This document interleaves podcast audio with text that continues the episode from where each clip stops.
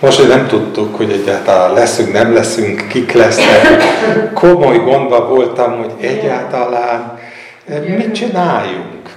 E, aztán úgy döntöttem, hogy nem fogok nagy eh, előkészületeket tenni, viszont nagyon szívesen beszélek valamiről, ami most már hetek óta bennem van, mióta lent voltunk ezen a lelki gondozói dolgon. Hát azért nem hetek, de egy jó hete, hogy lent voltunk. És annak kapcsán jutott eszembe egy-két dolog, amit szívesen megosztok veletek. Nyilván érzitek, hogy azért is ez egy nehéz dolog, mert egy lelki gondozói együttlétre azt mondanád, hogy olyanok mennek le, akik lelki gondozók. Már pedig nem vagyunk minnyáján lelki gondozók, sőt, jó néhányan lehetünk, akik azt gondoljuk, hogy szükségünk volna, hogy valaki lelki gondozzon bennünket, tehát lehet, hogy számunkra nem is annyira sarkallatos kérdés, meg a korunk egyszerű kereszténye számára lehet, hogy nem is annyira sarkalatos kérdés, ami ott elhangzott. Emlékeztek rá, hogy az alap, amiről múlt hét előtti napokban beszéltek, ott lent Szegeden, az az, az hogy milyen hihetetlenül nehéz jól kommunikálni a társunk felé, mert hogyha bárki odajön egy problémával én hozzám, és mond valamit, akkor többfajta magatartás létezik. Az egyik az az, hogy nem nagyon akarok vele foglalkozni. Mert van nekem elég gondom anélkül is, viszont ha már oda jött, akkor szeretnék valami ütőset mondani, és azzal a reménnyel, hogy hát azért x év tapasztalatából, keresztény tapasztalatából tudok valamit mondani, mondok neki valamit. És észre se veszem, hogy nem az Úr szólott, hanem én szóltam.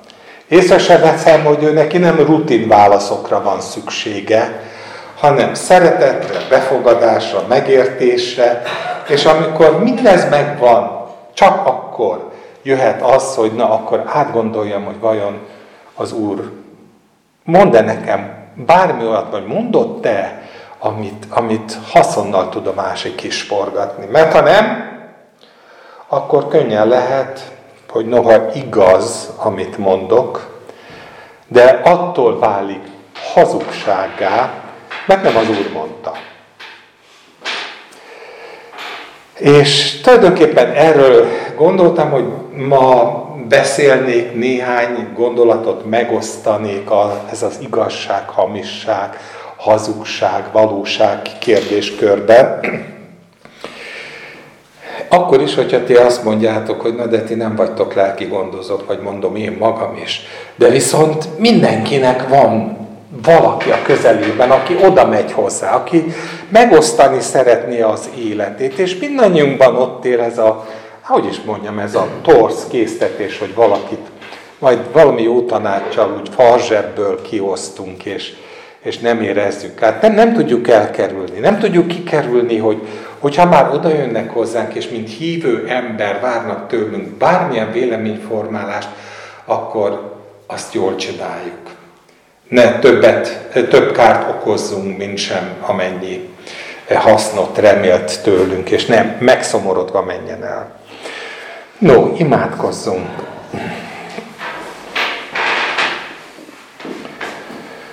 Urunk, köszönjük, hogy Te jelen vagy, mindig jelen voltál, sosem Te vagy távol tőlünk, soha nem az ige van távol tőlünk, hanem bennünket vonz a világ, bennünket vonz a látvány, a saját gondolataink rapságában élünk olyan gyakran, és csendesedik meg olyan nehezen a szívünk.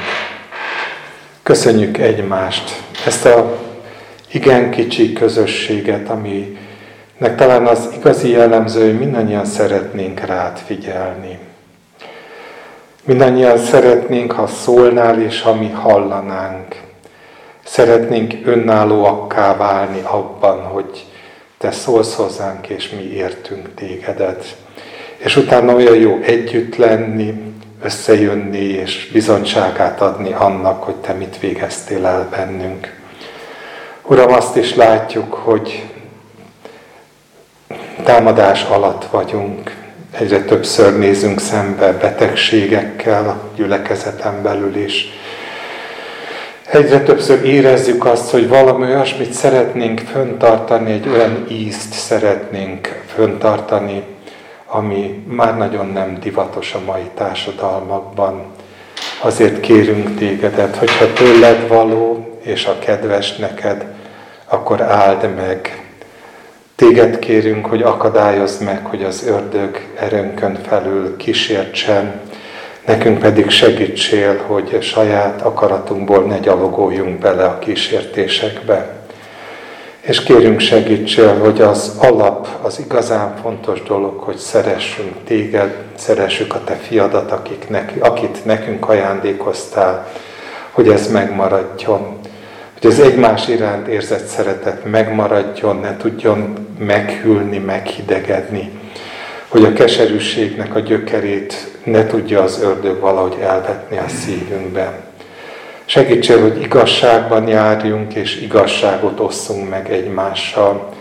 Segítsél, hogy amikor kapcsolatba hozzól emberekkel, elkészíted a jó cselekedeteket, amiben járnunk kell, akkor ne valljunk kudarcot amiatt, mert éppen valahova sietünk, mint a, annak idején, amikor az út hagyott ember mellett elszaladt a lévita meg a pap. Segítsél, hogy ott hagyva mindent, mindig készen álljunk számot adni arról, amit Te munkáltál bennünk. Reménységgel, szeretettel, törődéssel. Uram, köszönjük, hogy itt van Gábor. Köszönjük, hogy Te gyógyítod őt, Te adtál eddig is neki jó előmenetelt, és Te vagy mindannyiunknak a gyógyítója, kisebb és nagyobb próbáinkban is. Könyörgünk, hogy segíts Istvánnak és a teljes felépülésben, Segítsél, hogy ez a közösség növekedjen és szaporodjon. Nem mondom, hogy elsősorban létszámban, de hogy ne fogjon, Urunk. Hogy ne, ne tudja az ördög valamilyen módon szétszakítani a köztünk lévő testi és lelki kapcsolatot. Uram, így bízunk életünket te rád, és kérjük, hogy áld meg az igét. Hát, hogy szóljon én szólhatok, de ez a szólás, ez önmagában erőtelen, és pontosan tudom, hogy ha az Úr nem építi a házat, akkor teljesen haszontalan. Uram, alázatban szeretnék járni, és szeretném, ha mindannyian alázatban és szeretetben építenénk egymást és látná meg a világ, hogy a tieid vagyunk. Uram, ha lehet, kérlek segítsél, hogy ez az orgona kérdés megoldódjon. Nem tudjuk, hogy miért engedted meg, de azt látjuk, hogy megengedted, és tudjuk, hogy minden ilyenben benne van az, hogy vajon mi hogy reagálunk, hogy megpróbálsz minket, hogy meglássad, hogy mi van a szívünkben. Néhány hete olvastunk erről, és ez évtizedek óta zajlik és fog zajlani, míg itt tartasz minket, hogy megpróbálsz, megsanyargatsz időnként, csak hogy meglásd, és hogy mi is meglássuk, hogy mi van a szívünkben. Szeretet, türelem, békesség, vagy pedig harag és indulat. És segíts, hogy mi mindannyian a békességnek a munkásai legyünk. A Te kegyelmedből, és áldunk és magasztalunk Téged. Amen. Egy olyan eh, ószövetségi történet jutott eszembe, amit én nagyon szeretek. Nem sokszor eh, beszéltem róla ige hirdetésekben, eh, de azért az eszenciáját többször elmondtam már. Ez a királyok, az első királyok könyvének a 13. fejezete. Izrael ketté szakadása után van. Nem, nem, nem, nem. 13, egy királyok 13.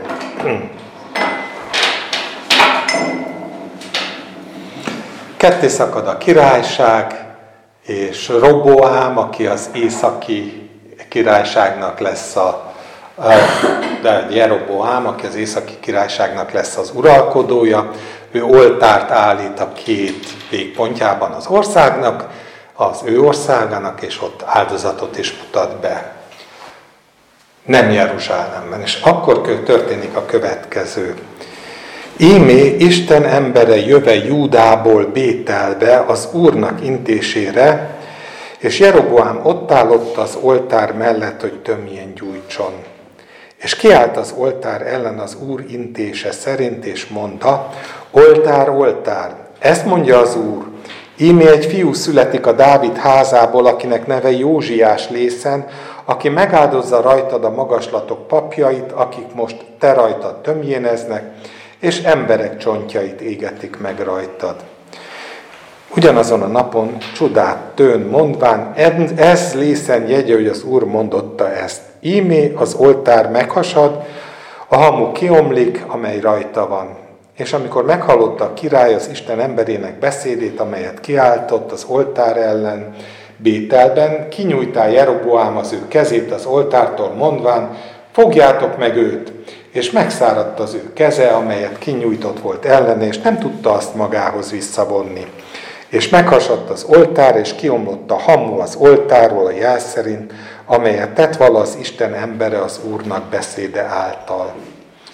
És szól a király, és mondta az Isten emberének, könyörögj az Úrnak, a te Istenednek, és imádkozz érettem, hogy ismét hozzám hajoljon az én kezem.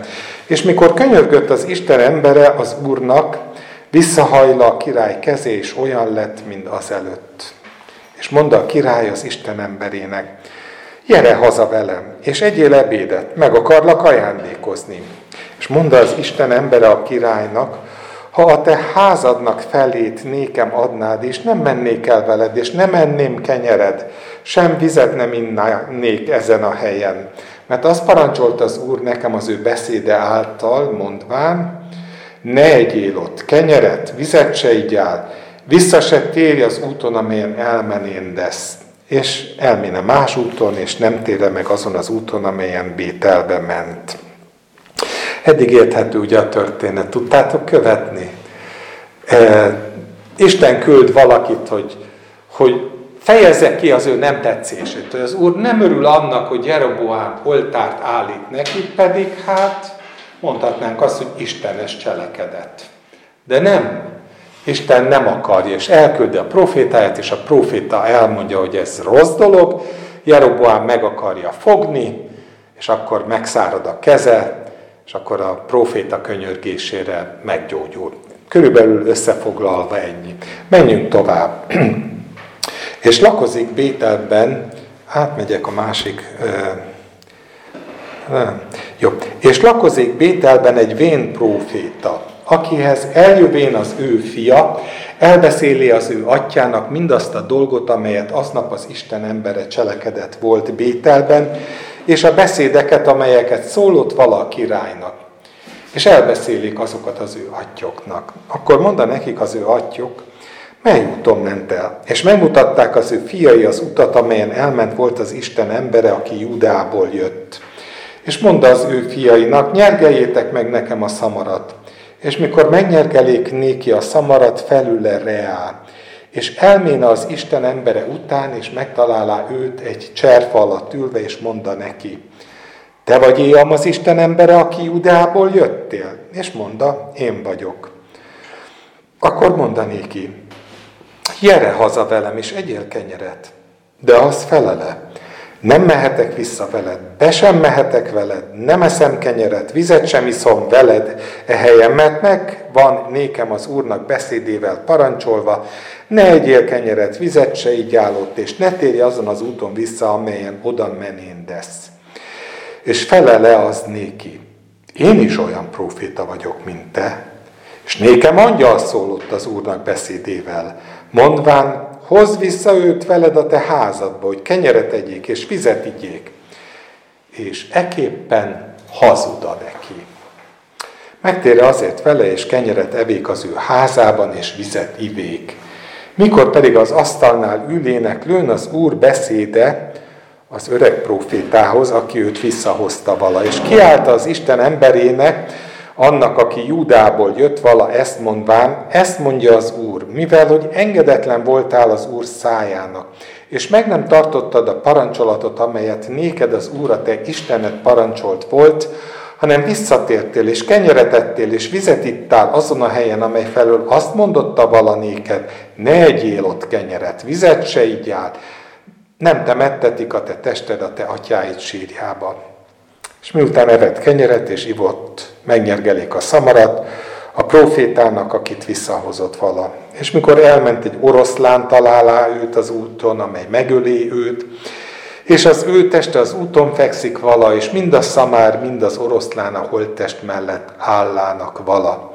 És ímé az arra menő emberek látták az úton heverő testet, és az oroszlánt a holttest mellett állani, és elmenvén elbeszélik a városban, amelyben a vén próféta lakott. És aztán megy tovább a történet arról, hogy ő hogyan reagál erre. Én nagyon szeretem ezt a történetet, és azért jutott eszembe így a múlt hét után, mert van néhány olyan gondolat benne, amire azt gondolom, hogy érdemes odafigyelni. Rögtön a közepén kezdem. Két próféta, két keresztjén ma mondanám. Az egyiknek az a teljesen természetes életformája, hogy hallja az Úrnak a beszédét. És megindul azon az úton, amelyet Isten mond neki, hogy engedelmeskedjen a belső vezérlésnek, a belső hangnak. És aztán van egy másik ember, aki ugyanilyen státusú, maga elmondja magáról, hogy ő is proféta. És körülbelül az jut eszembe, mint amikor két hívő ember, két keresztény ember találkozik, és, és, és van, aki hallja, az egyikük hallja az Istennek a szóját, a hangját, azt tudja, hogy mit kell neki cselekednie, és mégis, amikor a másikkal találkozik, és a másik azt mondja, hogy én is az Úré vagyok, és sőt, nekem van egy lényegesen erősebb érvem. Az Úr angyala szólt nekem, nem csak homályos kijelentés, hanem az Úr angyala személyesen mondta nekem ezt vagy azt, és kvázi olyan, mint a lelki gondozás, erős idézőjelben mondom, elmondja azt, hogy az Úr szerintem mit mond a másiknak. És meginok az elhatározásában az Istennek az embere. Nem mond nevet a Biblia, és én nekem nagyon tetszik, hogy nem mond nevet, nem mond törzset, nem mond származást. Egy dolgot mond, hogy ő az Isten ember, és az Isten emberére valóban ez a jellemző, mind a kis Sámuelre, a szólj uram, hallja te szolgád, és elindul és teszi azt, amit tennie kell. Mi jellemző az öreg profétára? A megszokás a rutin. Az az, hogy lehet, hogy volt időszak az életében, amikor ő együtt járt az Istennel, és ezekből az emlékekből feltehetően táplálkozik, és talán emlékeztek, múlt héten, csak így a beszélgetésben Vikinél elmondtam azt, hogy az egyik téma az rút volt, Lent Szegeden. És a Ruth méghozzá abból a megközelítésből, hogy hát gondoljunk bele, hogy mennyire nem könnyű az Isten igazi akaratát, beszédét kihámozni egy olyan élethelyzetbe, amelyik ennél sokkal bonyolultabb. Ruth Moabita. Ruth az anyósával visszatér Izraelbe, amikor ott véget ér az éhínség Betlehembe, és ott van az a gond, hogy hogyan bánjanak ő vele, mert egyrészt Moábita. És meg volt írva Mózes könyvében, hogy Moábitát még tized íziglen se fogadjanak be Izrael népe közé. Azért ez egy nagyon kemény dolog. Hogyha valaki azzal jön, hogy bocsi, te így jártál, Moábita vagy, akkor érzitek, hogy ez nem egy szeretetteljes dolog, még akkor sem, hogyha igaz dolog. De, de mit csináljunk, ha Isten mondta? És minden emberben fölmerül a kérdés, hogy hát a másik azt mondja nekem, hogy az Isten mondta, mint ahogy itt az öreg proféta mondja az Isten emberének, hát akkor Hát mert csak a köteles tisztelet, ő az idősebb, ő a tapasztaltabb, ugyanúgy társam az Isten szolgálatában, ugyan hogyan merném megkérdőjelezni, hogy ő jobban hallja az Úr hangját, mint én a tapasztalatlan, vagy kevésbé tapasztalt ö, embere az Istennek. Igen ám, de ott volt még két törvény Rút esetében. Az egyik törvény arról szólt, hogy be kell fogadni a jövevényt, és gondját kell viselni az özvegynek és az árvának. Ez is mózesi törvény.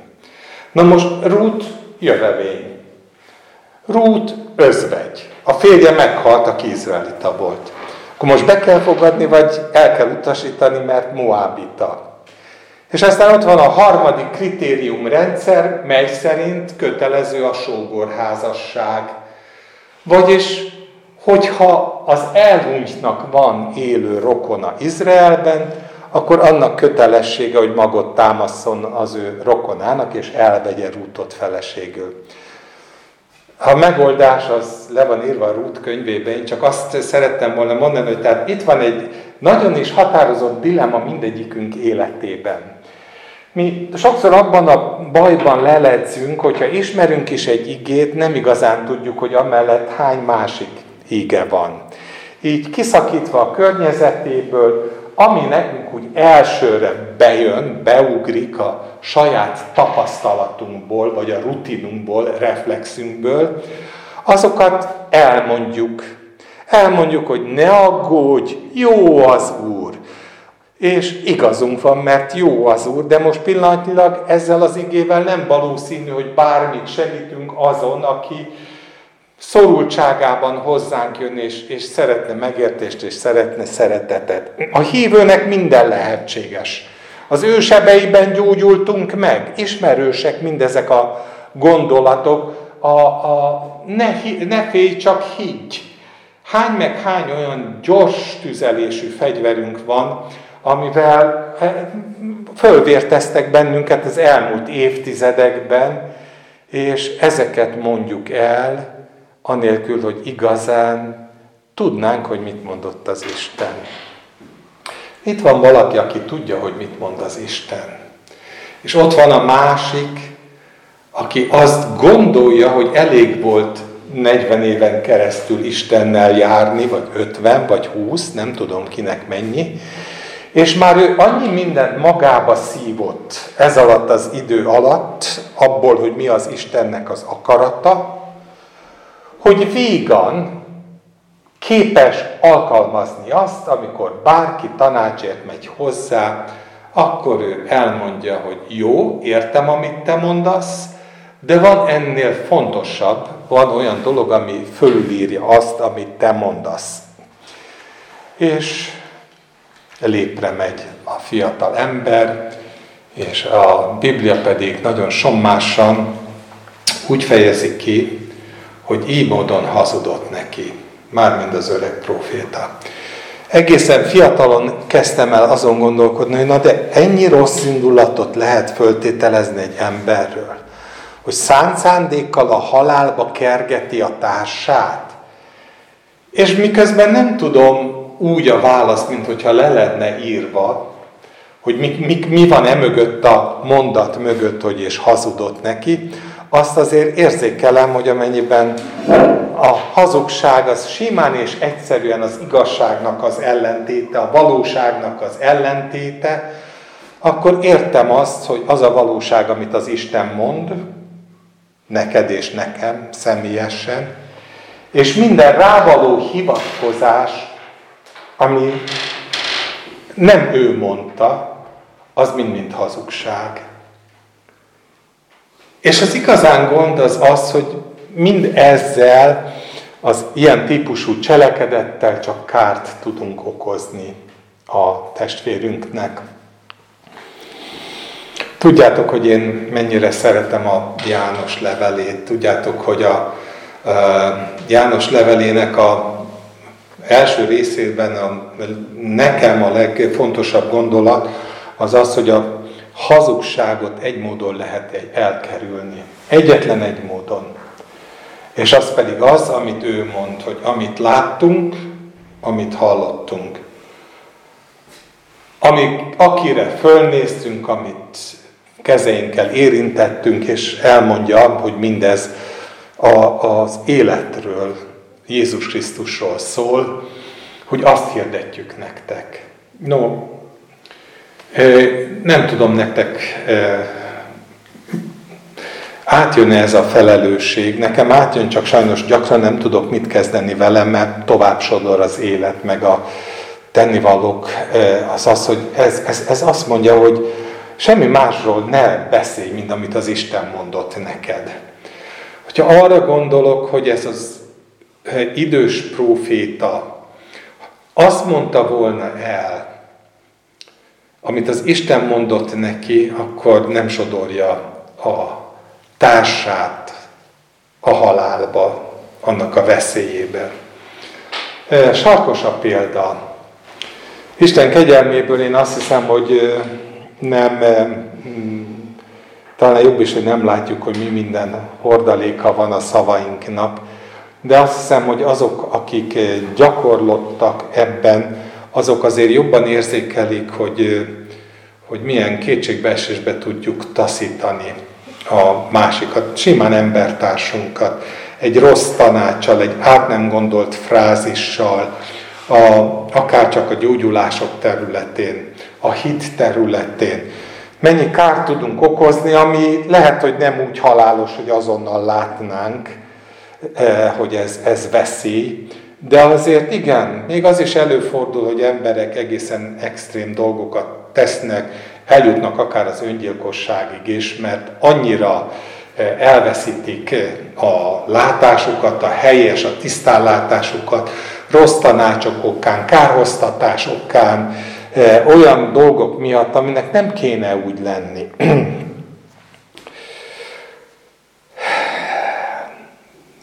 Az egészben, ezt ismeri azt a gondolatot szerte világon mindenki, Tudjátok, mi az áltudomány?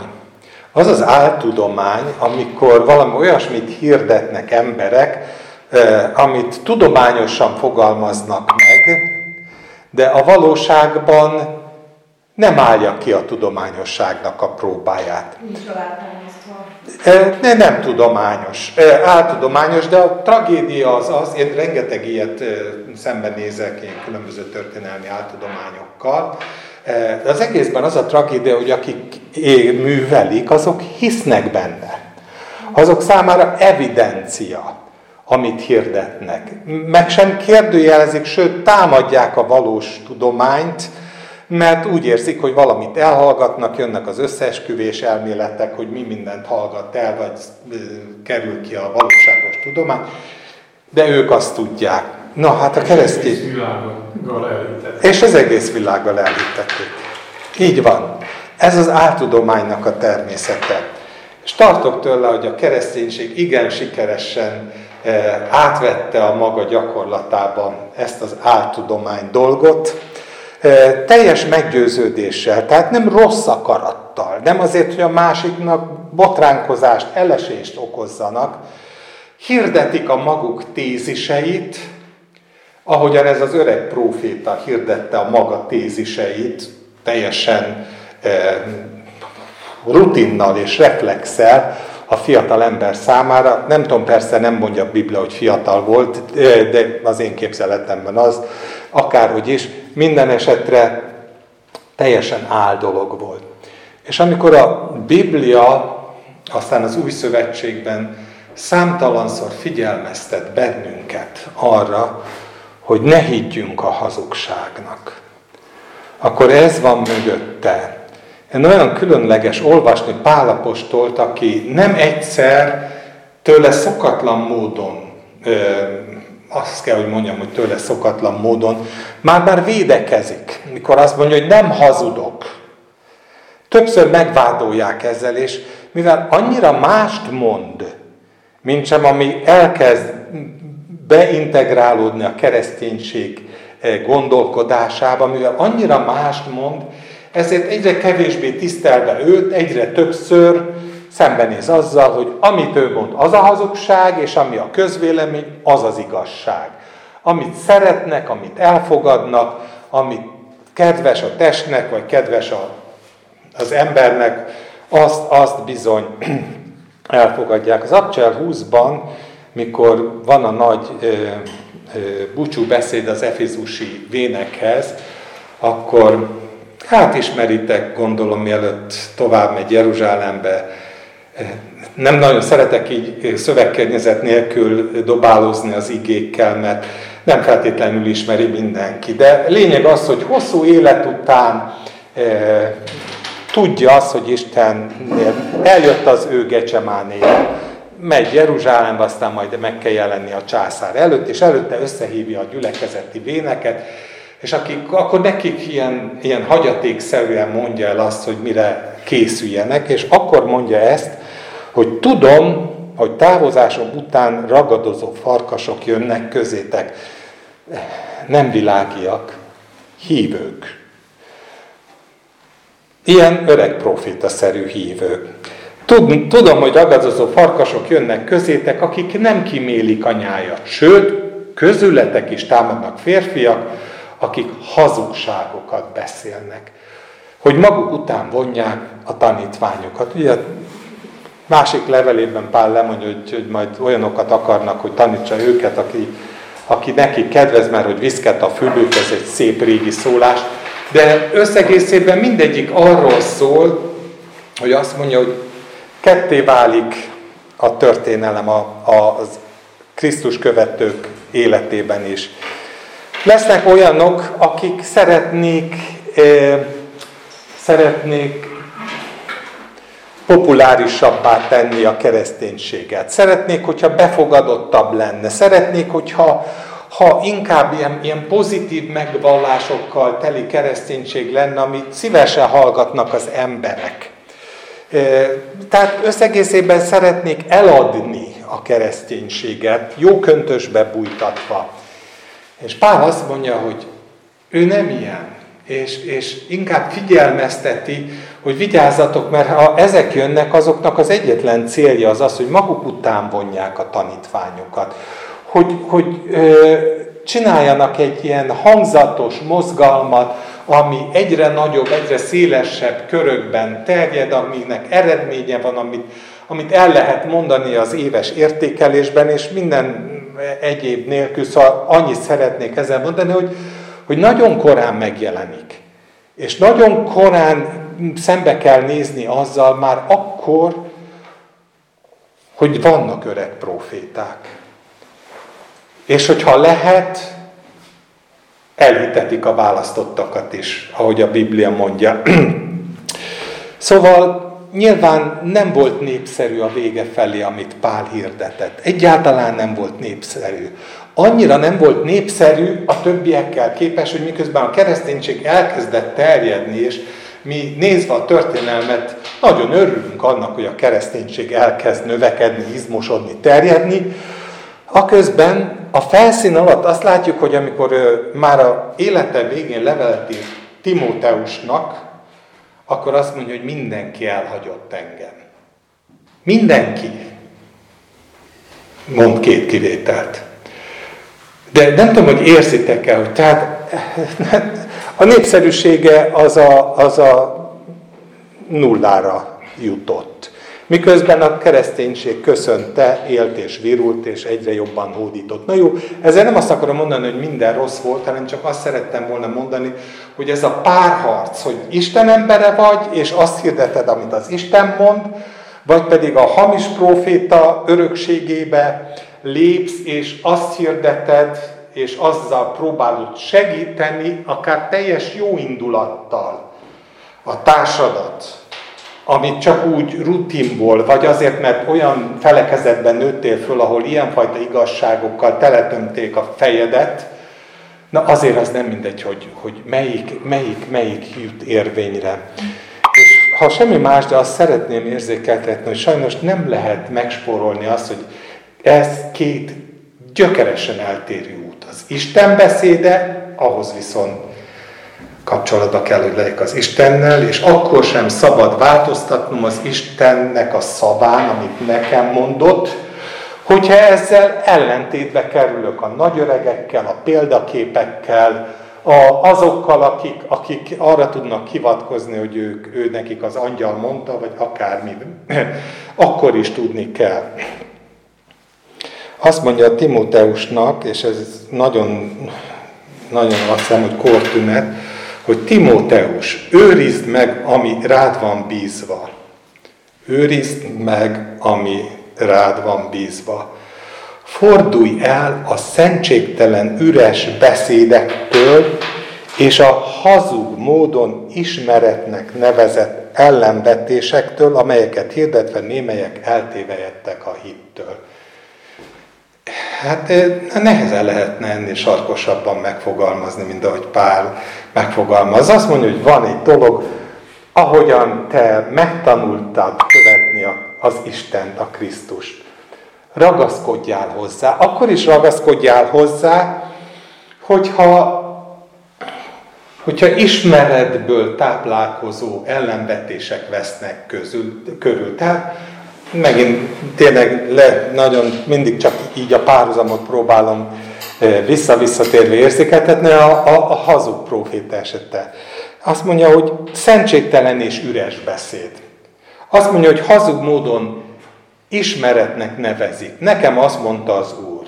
Én ezt tanultam a Bibliából, ami olyan típusú ellenvetés, amivel meg akar téged akadályozni abban, hogy, hogy hallgassál, a, az Istenre, és tudjad azt, hogy akik ilyen módon próbálnak tégedet orientálni, azok a valóságban már eltévejettek a hittől. Persze azt kérdezhetitek, hogy, hogy van-e ilyen, ilyen a mi napjainkban? Hát mi egyszerű emberek vagyunk, akik nem találkozunk vele. Nem tudom. Nem tudom, hogy találkozunk-e, vagy sem, de én azt gondolom, hogy nem tudjuk kikerülni, hiszen körbevesz az média, körbevesz az internet világa, körbevesz a könyveknek a világa, az ismeretterjesztésnek a különböző fórumai, amik lehetnek nagyon jók, és sok haszonnal járhatnak, de lehetnek pont az, amit itt Pál mondott, hogy az érvrendszerük az kiváló, tehát makulátlan, de igazából hazug módon nevezik ismeretnek, mert nem arról beszél, amit neki mondott, ő megtapasztalt, saját szemével látott, saját fülével hallott, kezével érintett, és a többi, ami a János levelében van, hanem valamilyen olyan ismeret, ami, ami kellemes, az sem biztos, hogy mindig kellemes, de amivel mindenképpen táborokba lehet rendezni az embereket, föl lehet fűzni egy teológiára, és nem biztos, hogy az életet szolgálja. Ez a zsidó levélben azt mondja a szerző, hogy Jézus Krisztus tegnap és ma és mindörökké ugyanaz. És azzal folytatja, hogy ne hagyjátok, hogy különféle idegen tanításokkal félrevezessenek. Ez az idegen tanításnak érdekes a, a, szó etimológiája. Tulajdonképpen a, az eredete az a hajlékot nyújtani, elszállásolni. Ugye régen abban az időben nem nagyon voltak szállodák a mai értelemben, úgyhogy teljesen természetes volt, hogy amikor Jézus kiküldi a tanítványokat, hogy hirdessék az evangéliumot, akkor azt mondja, hogy amely házba mentek és befogadnak benneteket, akkor azt mondják, hogy legyen békesség a háznak, és így tovább. Tehát természetes volt, hogy valahol megszállnak, valahol hajlékot nyújtanak nekik. És idegenként mennek be abba a házba, és idegenek is maradnak, akkor is, hogyha ha, ha befogadják őket. És valahol benne van ebben a gondolatban, ebben a, ugyanaz a szótő, ebben az idegen tanításokkal, ne hagyjátok magatokat félrevezetni, hogy ne, ne nyújtsatok otthont. Ne engedjétek meg, hogy a szívetek, a lelketek, a gondolkozásotok az, az a, abban helyt találjon, otthonra leljen mindaz, ami nem az igazságból való, hanem valahol hazugság.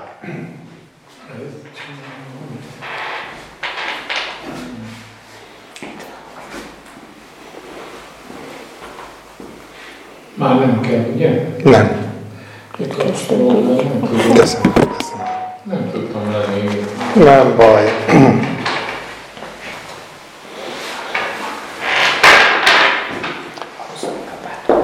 Hozzá.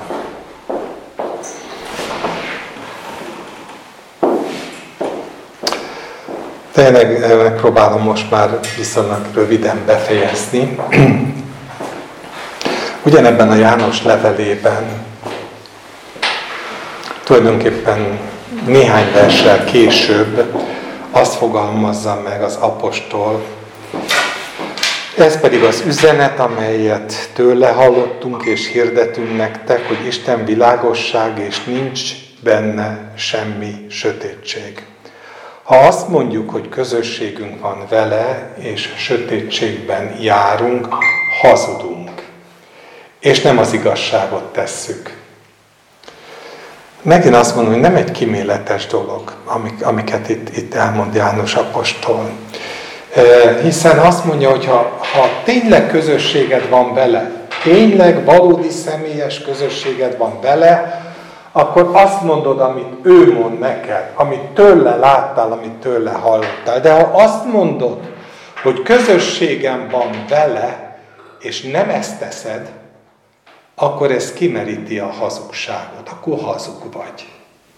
Akkor a tanácsaid kárt okoznak. Akkor a párbeszédeit nem kell ilyen nagyon direkt tanácsban gondolkodni, csak van, akkor a párbeszédeid a hazugság talaján fognak állni.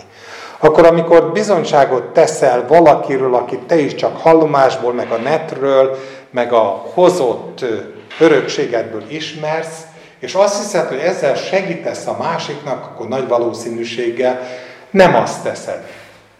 Nem segítesz a másiknak.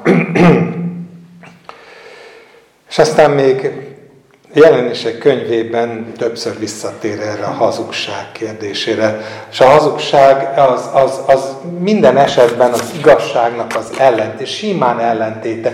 Mi amikor arról beszélünk, hogy hazudni, akkor leginkább csak ilyenekre gondolunk, hogy hazudtam az anyukámnak, mert abból a pénzből, amit adott, nem azt vettem, hanem valami más csináltam. De a hazugság gyökere nekünk hívő embereknek szellemileg egyszerűen az, hogy vagy azt mondom, amit az Isten mond nekem, vagy ha nem azt mondom, mert nincs ilyenem, amit az Isten mondott volna nekem, nem is mondott, de én úgy csinálok, mintha mondta volna, mintha ismerném az igét, és tudnám, hogy mi az Istennek a törvény, akkor én semmi más nem teszek, mint hazudok, és kárt okozok. és a, ez a hazugság az tulajdonképpen azért is ö, nehéz kérdés, mert, mert magába foglalja azt, hogy képzelt dolog. Tehát a hazug ember nem szükségszerűen szándékos. Kártokozás szándékával mondja és teszi, amit tesz. Hanem mind a pseudotudományoknál, tehát egyszerűen ö, meggyőződése, hogy amit ő képzel igazságnak, az ténylegesen az igazság. No, és a jelenések könyvében, mondjuk az első, rögtön első néhány fejezetben az Efézusi gyülekezet angyala, ugye a hét gyülekezet eh, azt mondja, hogy tudom a te dolgaidat, fáradozásodat, kitartásodat, és hogy a gonoszokat nem szenvedheted, és próbára tetted azokat, akik apostoloknak mondják magukat, holott nem azok, és hazugnak találtad őket. Megint azt érzékeljük, hogy a hazugság nagyon is szellemi területen beszél róla az ige. Nem ami csintevésünk a szüleinkkel szemben. Az is hazugság, mert más, mint az igazság, de ennél sokkal súlyosabb. Az ige újból és újból azt mondja, hogy nem minden léleknek kell hinni, próbáljátok meg a lelkeket, hogy azért, mert valami hangzatos, azért, mert jól felel rá a tested, ez nem biztos, hogy, hogy jó és hogy az Istentől van. És aztán van még néhány ilyen a jelenések könyvében, és aztán jön a vége, amit mindannyian két ismerünk a 21.-22. részben, és ilyen nagyon súlyos ítéletek hangoznak el. Aki azt mondja például a 21.7.8-ban, hogy aki győz, örökölni fogja mindezt, és annak Istene leszek, és az fiam lesz nekem. A gyáváknak és hitetleneknek, az utálatosoknak és gyilkosoknak, a paráznáknak és varázslóknak, a bálványimádóknak és minden hazugónak, minden hazugnak osztály része a tűzzel és kénykővel égő tóban lesz ez a második halál. Én azt hiszem, hogy ez azért olyan sokat mondó nekünk, mert, mert, mert, mert óriási a felelősség, amit ránk tesz az ige. Az ige azt tanítja, hogy Isten azért tart bennünket itt a Földön, hogy az ő igazságát képviseljük. Azért tart minket itt a Földön, hogy az ő követei legyünk, és a jó követ az nem mond mást, mint annak a szavait tolmácsolja, akit ő követségbe küldte. A mi itt lételünknek a célja az az, hogy bevetüljön Isten világossága, Isten gondolata, Isten szava, nem a rutinból, hanem azért, mert azt mondta, hogy menj. Azért, mert azt mondta, hogy mond. Ez az ő célja. És hogyha ez, ezen túllépve az ember egy hamis istenképet, erről sokszor beszélünk, egy teljesen hamis istenképet tár az őt körülvevő környezet elé, mert nem a valós tapasztalatból táplálkozik, hanem egy képe van neki is csak az Istenről, hogy ilyen szokott lenni az Isten, és akár ilyen törvénye is van az Istennek, mint hogy a Ruth esetében ott volt több is, ami, ami közül válogatni lehetett. Isten oldotta meg, hogy ne válogatásba fulladjon, de hogy mi mindannyiunk azt kell, hogy mondjuk, amit ő mondott. Mert különben sajnos nem biztos, hogy megment bennünket, mint ahogy nem mentette meg az öreg profétát sem azt, hogy miután mindenről tudott, és pont rajta keresztül üzent az Isten az eltévejedett ifjúnak arról, hogy meg kell halnod, akkor utána azt kérte a gyerekeitől, hogyha én meghalok, temesetek ugyanabba a sírba, mint amiben az Isten emberét temették. Tulajdonképpen egyfajta módon biztosítva az, hogyha az Isten embere bolygatatlanul, háborítatlanul átvészeli a, a, a eljövő Jósiásnak majd a, a tevékenységét, akkor ő is át fogja, visel, át fogja vészelni. És itt a jelenések könyvében az Isten azt mondja, hogy nem, a hazugság az azt jelent, hogy nem engem képviseltél, és ez óriási felelősség. Befejezésül Jézus mondja Pilátus előtt. Ekkor azt mondta neki Pilátus, tehát valóban király vagy. Jézus ezt válaszolta, te mondod, hogy én király vagyok. Én azért születtem, és azért jöttem e világra, hogy bizonyságot tegyek az igazságról. Mindaz, aki az igazságból való, hallgat az én szavamra. Pilátus ezt kérdezte, mi az igazság? Hát ez a mi dilemánk, hogy lassan már kiábrándultunk abból, hogy van igazság. Hallgatom a egymás közötti beszédeket, akár csak hívő testvérek között, és hát polemizálunk, hogy most akkor kinek van igaza. Annak van igaza, aki azt mondja, hogy teljesen természetes a szenvedés, és hogy a szenvedéssel formál az ember, az Isten, vagy annak van igaza, aki, aki azt mondja azt, hogy én azért jöttem, hogy bővölködjetek. És lassan lemondunk arról, hogy akkor hát ez értelmezés kérdése mondjuk. Vagy az egyik elviseli nagy alázattal és türelemmel a betegséget, a másik meg azt mondja, hogy csak higgy.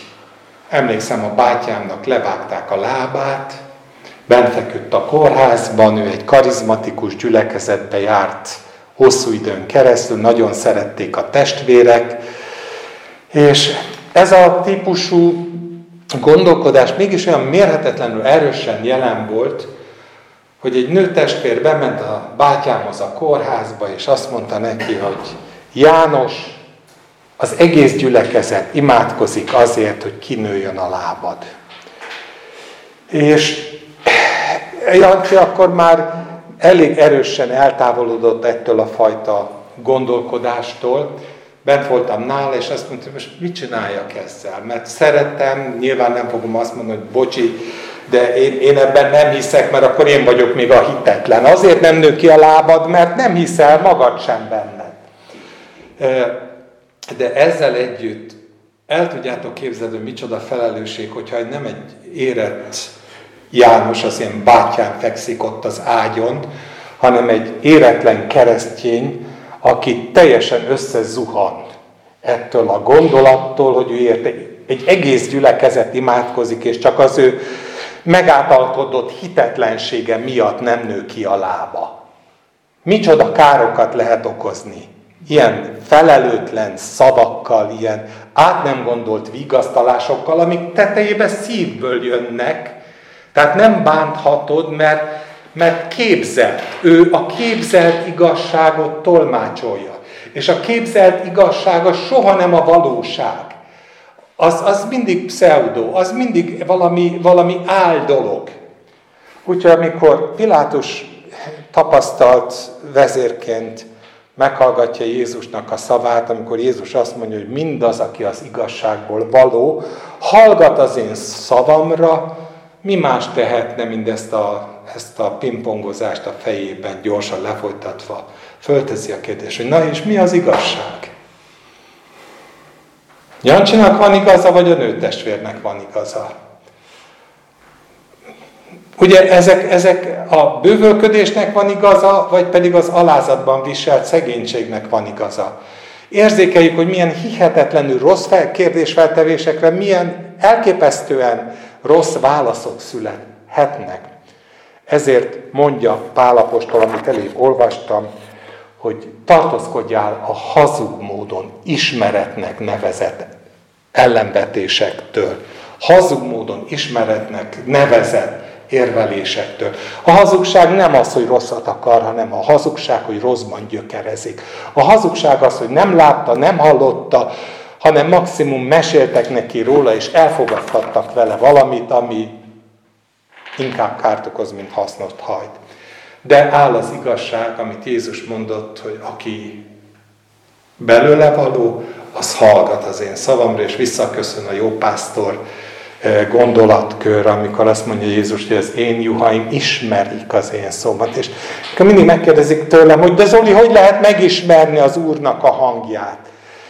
És én azt gondolom, hogy ez megint olyan, hogy én mondanék néhány kellemes hitető szót arról, amit itt elébb mondtam, tehát én is csak hazug módon ismeretnek nevezett tapasztalatról beszélnék, vagy akármiről, akkor több kárt okoznék, mint hasznot hajtanék, mert egyetlen egy módon keressétek, zörgessetek, kérjétek. Jézus soha nem misztifikált semmit. Azt mondta, hogy aki kér, az mind kap. Aki keres, az megtalál, aki zörget, annak megnyittatik. Nincs, nincs semmi misztérium, olyan fajta titokzatosság benne, ami ne volna a, az elérhetőség határán belül a mi életünkben. Szeresd a te uradat, Istenedet, keresd a te urat, keresétek őt, amíg megtalálható. Hívjátok segítségül, amíg jelen van. Érdekes, nem azt mondja, hogy keressétek őt olyan módon, hogy tudakozzatok X-től, Y-től, Z-től, A-tól bármeddig, és utána gerebjézzétek össze ezt az információt, mert akkor megtaláltátok őt. Ugye ez lett a később a gnoszticizmusnak a problémája, a, a, hanem azt mondja, hogy keresd az Urat. Nincs messze tőled az íge, mondja Pálapostól. A te szívedben van, a te szádhoz közel van. Szívvel hisztek az igazságra, és szájjal tesztek bizonyságot az üdvösségre. Na, mielőtt nagyon belemerülnék az egyéb igehelyekbe, hát szépből kívánom, hogy akkor is, hogyha esetleg megint úgy tűnt, hogy az Zoli megint túl elméleti, már ez bennünket nem érint, higgyétek el, hogy érint. Higgyétek el, hogyha elkezditek átérezni azt a felelősséget, hogy, hogy, hogy szükség van arra, hogy arról beszéljek, amit az Isten nekem mondott. És nem másról, és nem okosságokkal akarok kifizetni senkit, hanem egyszerű derűvel rámutatni arra, hogy Isten mit mond nekem, akkor megváltozik a mi életünk is, és megváltozik azoknak az élete is, akiket azért rendelt körénk az Isten. Nem kell ez lelki gondozói tanfolyam. Ehhez érzékenység kell, szeretet kell, befogadás kell, hogy egyáltalán lehetőségen, lehetőségünk legyen arra, hogy az igazságból valóként valóban az legyen, amit Jézus mondott, hogy jól vagyon. Hűsz kicsiny, hűsz szolgám, kevesen voltál hív, sokra bízlak ezután. Szóval ezt kívánom mindannyiunk részére. Amen.